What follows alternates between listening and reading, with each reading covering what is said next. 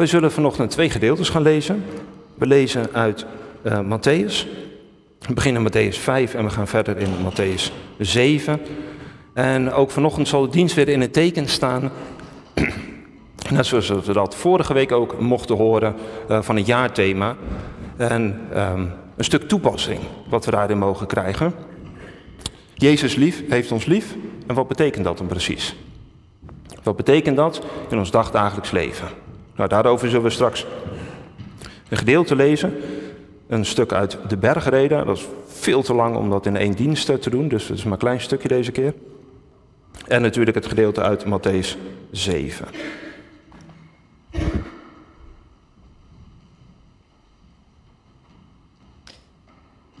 Zoals u al hoorde, we lezen een stukje uit de bergreden. Jullie hebben gehoord dat gezegd werd: een oog voor een oog en een tand voor een tand. Dit zeg ik daarover. Verzet je niet tegen wie kwaad doet, maar keer degene die je op de rechterwang slaat ook de linkerwang toe. Als iemand een proces tegen je wil voeren en je onderkleed van je wil afnemen, sta hem dan ook je bovenkleed af. En als iemand je dwingt één mijl met hem mee te gaan, loop er dan twee met hem op. Als iemand iets van je vraagt, geef het hem en keer je niet af van wie geld van je wil lenen. Jullie hebben gehoord dat gezegd werd: je moet je naaste lief hebben, je vijand haten. Dit zeg ik daarover. Heb je vijanden lief en bid voor jullie vervolgen. Alleen dan zijn jullie werkelijk kinderen van je Vader in de hemel. Hij laat zijn zon immers opgaan over goede en slechte mensen en laat het regenen over rechtvaardigen en onrechtvaardigen. Is het een verdienste als je lief hebt wie jou lief heeft? Doen de tollenaars niet net zo? En als jullie alleen je broeders en zusters vriendelijk bejegenen, wat voor uitzonderlijks doe je dan? Doen de heidenen het niet net zo? Wees dus volmaakt, zoals jullie hemelse Vader volmaakt is.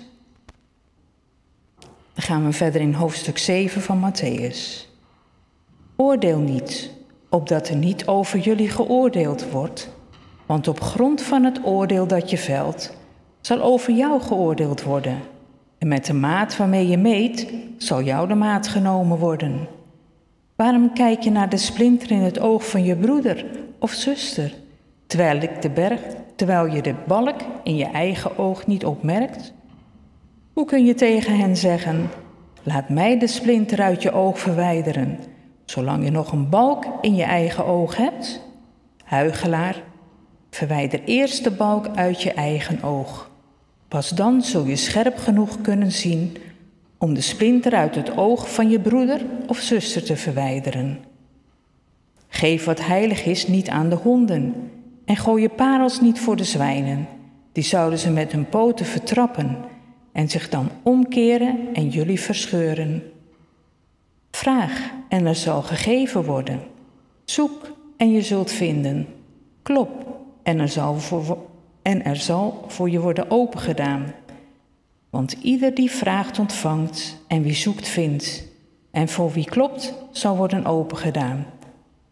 Is er iemand onder jullie die zijn kind, als het om een brood vraagt, een steen zou geven? Of een slang, als het om een vis vraagt? Als jullie dus slechts, als jullie zijn, je kinderen al goede gaven kunnen schenken, hoeveel te meer zal jullie Vader in de hemel dan niet het goede geven aan wie hen daarom vragen? Behandel anderen dus steeds zoals je zou willen dat ze jullie behandelen. Dat is het hart van de wet en de profeten. Tot zover de lezing. Tekst voor de eh, verkondiging is Matthäus 7, dat laatste vers natuurlijk ook tegen het licht van de versen daarvoor. Maar Matthäus 7, vers 12 zegt: Behandel anderen dus steeds zoals je zelf zou willen dat ze jullie behandelen. Dat is het hart van de wet en de profeten. Gemeente van onze Heer Jezus Christus, broeders en zusters. Ik weet nog dat ik als kind wel eens te horen kreeg ehm, toch een gevleugeld gezegde: Wat gij niet wilt dat u geschiet, doe dat ook een ander niet. Was dat alleen in de regio waar ik opgegroeid ben, of uh, dat is hier ook wel bekend? Ja. Nou, het is ook zo oud als de weg naar Rome. En het is een wijze uitspraak.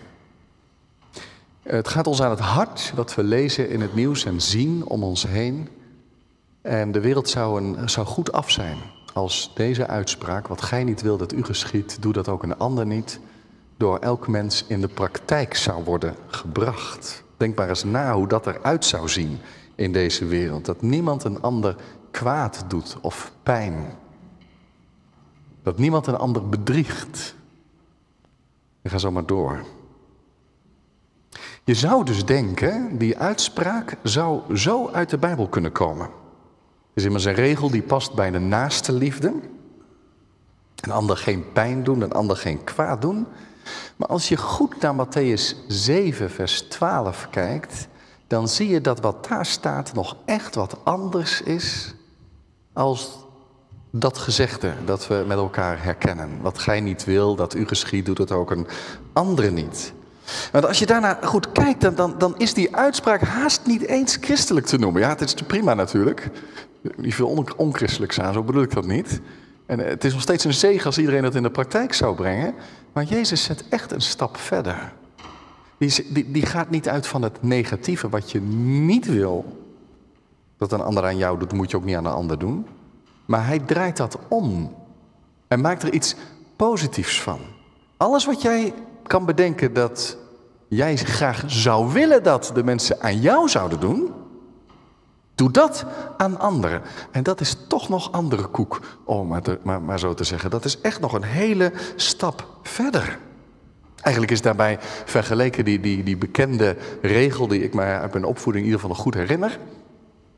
Eigenlijk maar uh, mooie burgerlijkheid. En nog wel belangrijk ook. Maar het wordt pas echt christelijk als we de woorden uit Jezus' mond horen. De regel die in Matthäus 7, vers 12 staat, noemen we wel de gulden regel, oftewel de gouden regel. En je zou kunnen zeggen, die uitspraak van wat u niet wil dat u geschiet, doet het ook een ander niet, dat is op zijn best de zilveren regel. Maar we hebben het vanmorgen dus over de gulden regel. Dat is ook het thema voor de preek.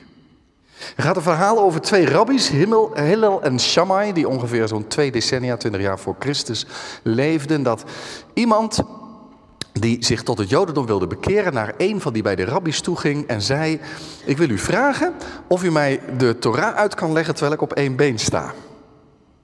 En die rabbi joeg hem weg. Zeg, als je er zo simpel vanaf wil komen, dan gaat het niet. Toen ging hij naar die andere toe en zei Kunt u mij alstublieft de Torah uitleggen terwijl ik op één been sta? En die zei: Nou, ga maar staan.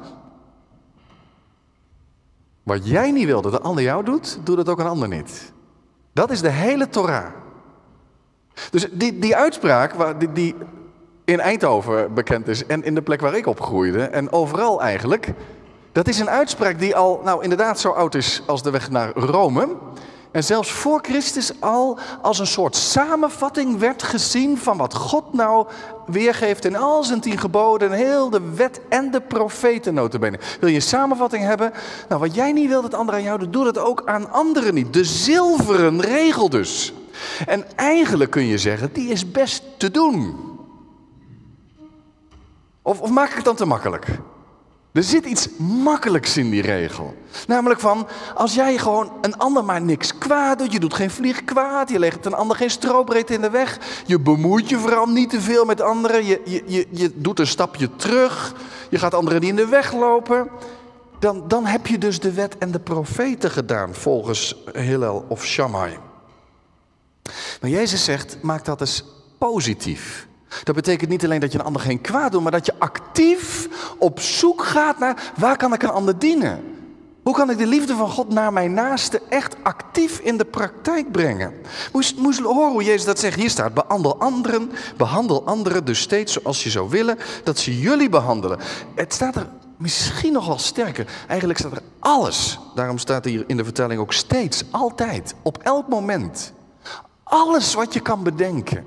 Dat je hoopt dat een ander aan jou doet, doe dat. Moest, moest nagaan hoe dat eruit ziet. Hoe zou dat eruit zien in ons leven? Ik wil dat het de ander eens wat aardigs tegen mij zei. Doe dat, zegt Jezus. Ik wilde graag dat mijn collega's mij eens wat meer zagen. Wees zo'n collega voor anderen. Ik zou willen dat een ander mij dit zou geven. Gunnen. Geef en gun zo de ander. Alles wat je maar kan bedenken, dat je zo graag zou willen dat de ander aan jou doet, doe dat. Bij je naaste, je vriend, bij je niet-vriend en bij je vijand. Zo ver gaat Jezus. Voel je dat dan die gouden regel nog wat verder gaat dan die zilveren? Zilver is een beetje oppassen, maar het kan. Dan kun je met die rijke jonge man die naar Jezus toe gaat en zegt: Wat moet ik doen om het eeuwige leven te beërven? En Jezus zegt: De geboden. Mijn vriend, de geboden. Die man die zegt: Ja, nou dat heb ik allemaal gedaan. Van mijn jeugd af. Bij de zilveren regel lukt dat. En dan zegt Jezus eigenlijk tegen die rijke jonge man: Dan heb ik nu een gouden regel voor je. Ga heen, verkoop alles wat je hebt. Deel de opbrengst uit aan de armen. Kom terug en volg mij. Dat is de gulden regel. En dan haakt hij af. Want dan heb je je naaste lief zoals jezelf. Zou je willen dat iedereen aardig tegen je deed? Doe jij het. Zou je leukere collega's willen? Wees een leukere collega. Dat gaat zo ver dat je op het punt kan komen dat je zegt: Ik zou willen dat een ander zijn leven voor me gaf. Geef je leven voor een ander. Want dat, zegt Jezus, dat is de wet en de profeten. Daar ben je bij het hart van God. Van wat God wil. Maar we zullen zo dadelijk ook nog wel een stap gaan zetten. Voor wie God, van wie God is. Gods hart zelf.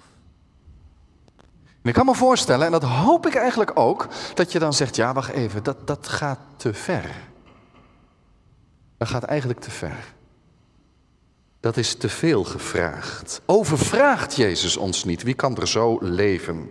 Net zoals de discipelen, de leerlingen van Jezus reageerden toen, toen Jezus met die rijke jonge man in, in gesprek was. En, en uh, dan, dan, dan, eigenlijk als die man weggaat en er niet eens achteraan gaat van, oh zo bedoelde ik het ook niet. Maar Jezus laat hem echt gaan. De gulden regel laat deze man liggen. Jezus laat hem gaan. En dan draait Jezus zich naar zijn leerlingen om en zegt, een rijke die gaat nog makkelijker bij God komen dan dat een kameel door het oog van een naald kruipt. Waarop de discipelen zeggen, wie kan er dan gered worden? Wie kan, dan is het onmogelijk. En dan zegt Jezus, wat onmogelijk is bij de mensen, is mogelijk bij God. De zilveren regel is hoogstens moeilijk. Maar die gulden regel, die valt onder dat wat bij mensen onmogelijk is dat is mogelijk bij God. Wie kan er zo leven? Nou, daarom hebben we ook wat meer teksten gelezen uit de bergreden. Dit gedeelte komt ook uit de bergreden. Want in de bergreden maakt Jezus Gods wil bekend. En dan doet hij een paar dingen. En dan zegt hij eigenlijk, in mijn koninkrijk of in het koninkrijk van God gaat het er zo aan toe. Dit is hoe God is, dit is hoe God het wil, dit is zoals ik het wil. En dan zie je dat de Heer Jezus, zeg maar, de, het gebruikelijke onderwijs over de wet, namelijk een heel precies onderwijs wat je wel moest doen, wat je niet moest doen, dat Jezus dat, dat, dat niet afschaft. En, en dat ook expliciet zegt. Ik ben er niet gekomen om de wet af te schaffen, maar om die te vervullen. En wat Jezus dan doet is al die negatieve geboden van de wet positief maken. U zult niet, maakt ervan u zult wel.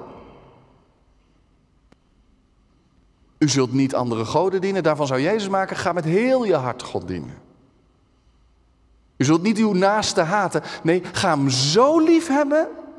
Tot in de uiterste consequenties. Dat je namelijk zelfs je vijanden lief hebt. Dat je zegent hen die jou vervolgen. Dat je goed spreekt over degene die jou het leven zuur maken. Dan zul je volmaakt zijn zoals mijn Vader in de hemel volmaakt is.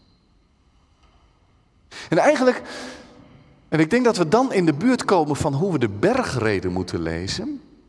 Eigenlijk gaat het in de bergreden al over nou, hoe God is, maar ook hoe het zal zijn als eenmaal dat koninkrijk van God ten volle gaat doorbreken. Dan zal het zo zijn zoals in Matthäus 7, vers 12 zijn, dat we alles wat we willen dat een ander aan ons doet, dat we dat ook gaan doen. En zonder een centje pijn, zonder dat het moeite komt, omdat, omdat heel de samenleving, heel de wereld daaruit bestaat. Wat zal dat zijn als het koninkrijk van God op die manier doorbreekt in dit leven? Pure liefde en vreugde zal er zijn. Maar hier dan, en dat is de moeilijkheid van de bergreden, hoe werkt het hier? Want God geeft die richtlijnen volgens zijn hart en volgens zijn toekomst voor het leven in alle gebrokenheid hier vandaag. En dat is lastig, want dan moet je altijd, je moet voor twee dingen oppassen. Eén, dat je die, die bijzondere geboden van Jezus wat gaat weglachen. Dat doen we toch? Vaak. Als Jezus zegt, ja, als je op de ene wang geslagen wordt, keer ook de andere toe. Maar ik hoor dat alleen aanhalen op een lacherige manier. Zo van, ha, nu moet je ook de andere wang toekeren. Maar ja, we weten ook wel dat dat niet gaat. Het werkt gewoon niet, jammer. En als je één mijl meegaat, dat je de tweede ook gaat. Nou, dat werkt in de praktijk ook niet. En als het over die kledingstukken gaat, dan is het helemaal eigenlijk om te lachen. Want wie heeft er nou als die twee jassen heeft, wie geeft er één weg? Dat zou ons ook een behoorlijk aantal kledingkasten besparen, denk ik maar zo. Maar werkt het? Dat is het punt. Werkt het ook in de praktijk? Jezus zegt het. En hoe voorkom je dan dat je daar een beetje, toch een beetje lacherig over doet? Van ja, dat zijn natuurlijk een beetje overdrijvingen van Jezus. Maar het zijn geen overdrijvingen van Jezus. En aan de andere kant, is het eerste wat je niet moet doen, is het gaan relativeren en weglachen. Aan de andere kant moet je ook oppassen dat je zegt, nou oké, het is behoorlijk radicaal, we trekken onze sokken wel wat harder op. En we gaan het allemaal letterlijk in de praktijk brengen. je moet het ook in praktijk brengen, maar dan bots je ook op de praktijk. Want wie stuurt zijn kind het schoolplein op als die gepest wordt? Nou, als je geslagen wordt, joh, keer dan maar eens je andere wang toe. Kun je zo leven? Het is niet voor niets dat de Heer Jezus zei, mijn koninkrijk is niet van deze wereld. En dat merk je ook echt in de bergreden. De bergreden ademt de toekomst van Christus al helemaal. Maar dat wil dus niet zeggen dat je zegt, nou goed, dat zal dan wel. Dat is toekomstmuziek, dat zal dan allemaal wel, dat het niet voor nu geldt. Maar tegelijk is het zo dat het soms lastig is om, om een politieke partij te beginnen gebaseerd op de bergreden. Want hoe werkt dat dan in de praktijk? Nou ja, denk aan, het, aan de moeite waar we in deze weken in zitten. In die oorlog, het conflict tussen Israël en Gaza. Wat zou het een zegen zijn als Hamas deze tekst dus door zou krijgen? Maar als Israël de andere wang gaat toekeren, betekent dat waarschijnlijk het einde van het bestaan van Israël. Hoe werkt het dan in de praktijk? Ik weet ook dat het moeilijk is. Het is niet een soort oproep tot uh, zijn. Ik kan me herinneren, nu waarschijnlijk ook, dat Paulus op een zeker moment, als ze hem vastbindt om te geestelen, niet de andere wang toekeert, maar zegt: Hé, hey, ik ben wel een Romeins burger, wil je er even rekening mee houden? En toch ergens ook voor de rechten opkomt die hij heeft. Hoe werkt het dan in de praktijk? Begrijp je de lastigheid? Het is niet zo makkelijk om dat zomaar één op één toe te passen. En toch, we mogen de woorden van Jezus ook niet aan de kant schuiven en als ontoepasbaar verklaren. Hoe dan? Hoe moeten we hier naar luisteren? ik denk dat de sleutel hierin ligt. En daarmee zeg ik niet, oh, dan hebben we alles opgelost en is het makkelijk. Helemaal niet. Maar de sleutel ligt hierin. Dat wij goed bedenken dat er maar één is die in deze wereld in alle gebrokenheid geleefd heeft volgens deze richtlijnen. En dat is degene die de woorden zelf spreekt. Eigenlijk zou je kunnen zeggen, er is er één die toen hij twee jassen had, er één weggaf. Dat is God. Israëls God. God van Abraham, Isaac en Jacob. Die zo gauw hij overvloed had, anderen daarin liet delen. Niet omdat hij er zelf beter van werd, want God had vreugde in zichzelf. Dat is zo kenmerkend voor de liefde van God. Dat hij een en al leven en vreugde in zichzelf heeft. Maar dat hij door de wereld te scheppen, door in contact te treden met mensen, de relatie, de liefde, alles gaat delen. Vanuit zijn liefdevolle overvloed. En als hij dan zelf, terwijl de wereld in zonde gevallen is en die, die val maar doordemde en doorvalt. Dat hij zelf die val komt stilzetten als hij mens wordt in alle gebrokenheid. Als je nou Jezus zou vragen, waarom dan? Wat, Wat zat daar nou in voor u? Ja, dan, dan wordt u nog meer verheerlijkt en dan krijgt u de lofprijs. Dat had hij niet nodig. Hij had volle vreugde, maar hij legt zijn heerlijkheid af. Waarom? Omdat zijn hart vol liefde is. Dat is een liefde die nauwelijks een analogie kan vinden in hoe wij met, met, met elkaar omgaan op, op onze beste momenten. Dat is die goddelijke liefde, die, die liever zichzelf offert dan dat de naaste gebrek leidt. Dat. Dus voordat we gaan piekeren over hoe kan die naaste liefde gestalte krijgen in ons eh, leven, moeten we eerst zicht krijgen op die liefde van Christus zelf. Dan kan dat wonder gebeuren waarvan Jezus in die hele geschiedenis van die rijke jonge man, als de discipelen zeggen, ja, wie kan er dan behouden worden? Dan zegt hij, wat bij mensen onmogelijk is, van elk streven van mensen wat wij kunnen overzien, dan kunnen we nooit die liefde tot God boven alles en, en onze naaste als onszelf, dan kunnen we nooit die gulden regel een plek geven in ons leven. Dat is absoluut onmogelijk. Maar de dingen die bij mensen onmogelijk zijn, zijn mogelijk bij God. Er is dat wonder voor nodig dat God met de toverstaf van zijn genade ons leven aanraakt. Waardoor we nieuwe mensen worden, waardoor we andere verlangens krijgen. En dan zal ik nog niet zeggen dat, er, dat makkelijk is om dat gestalte te geven in ons leven. Maar het krijgt gestalte in ons leven als ons leven meer en meer op die toekomst van Christus gericht is. Dat we leven vanuit dat kruis dat op Golgotha heeft gestaan. En de verzoening die Jezus heeft gedaan. En de liefde die erin zit. En naar zijn koninkrijk toe, omdat eens dat volledig door zal breken tot in alle haarvaten van ons leven. Zo kan het gestalte krijgen in ons leven.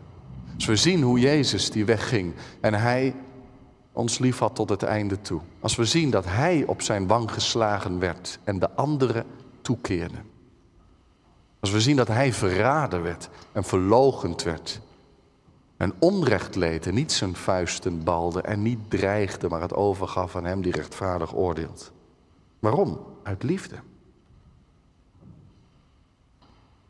Omdat wij zo diep in de put zaten van de zonde en van schuld dat we ons er niet uit konden krijgen. Van de macht ook, omdat het zo moeilijk is om ons leven te verbeteren. Omdat de zonde er zo diep in zit. Maar hij schrok niet terug voor de diepte, maar gaf zich erin over. Wat heeft Jezus ingeleverd? We beseffen we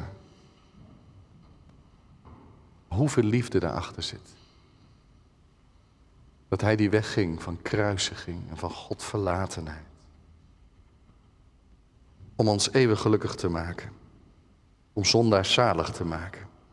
De wet te vervullen. De wetten vervullen. Dit is het hart van de wet en profeten. Dat heeft Jezus gedaan.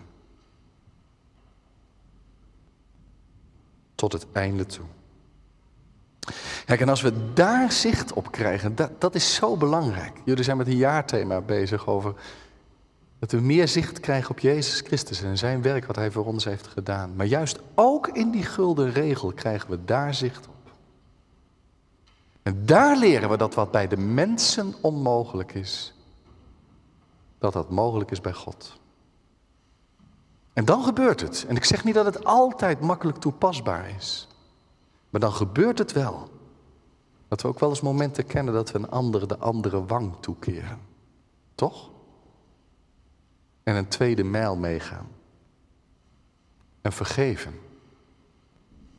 En dat we onze vijanden lief hebben.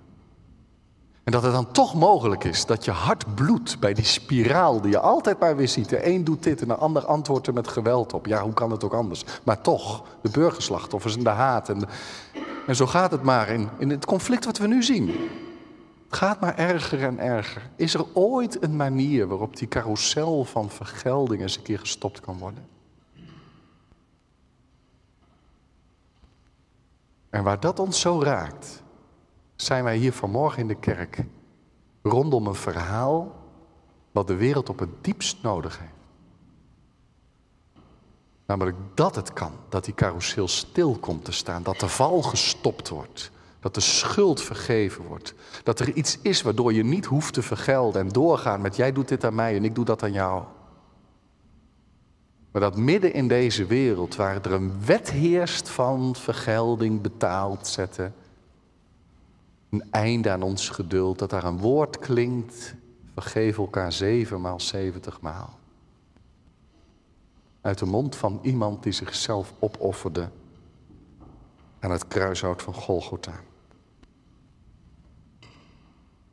We herkennen het toch om ons heen waar dat verhaal ons leven binnenkomt en raakt. Terwijl mensen om ons heen zien gelukkig, waarbij die wonderlijke liefde van Jezus zo ver gaat, zo doordringt in het leven, dat er echt iets gebeurt van wat hier in Matthäus 5 staat en in Matthäus 7. Omdat Hij ons zo diep heeft liefgehad. En daarom is het zo goed, al, al, al is dit woord voor ons menselijkerwijs onmogelijk, te hoog gegrepen, boven onze macht, kunnen wij vanmorgen zo ontzettend dankbaar zijn dat de woorden uit de bergreden klinken. Als, als een grote profetie klonken toen het gelezen werd, midden in deze wereld van onrust. Dit is hoe God is. Dit is hoe God niet ons spel meespeelt, maar ons uitnodigt om zijn spel mee te spelen. Hoe God het kwaad breekt en oordelen zal. Dit wat wij lazen in Matthäus 5 over de liefde zelfs tot de vijanden. En die gulden regel laat ons zien dat God dit hart heeft. Zo is Hij. En zo zal het zijn in zijn toekomst. Dit is waar Hij vol van is en waar het naartoe zal gaan.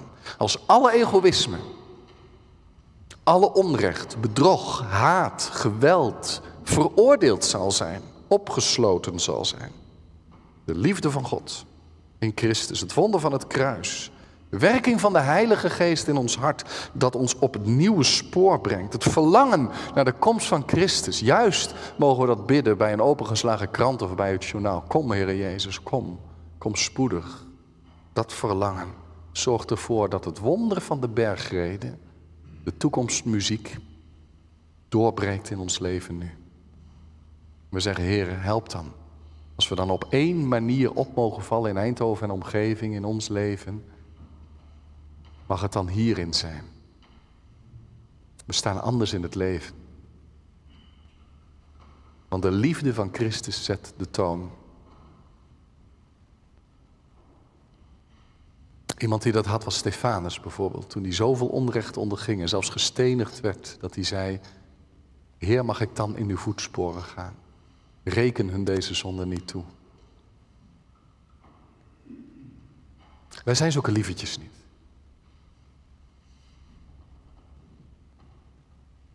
We zouden tevreden kunnen zijn met een braaf christelijk burgerlijk leven van de zilveren regel.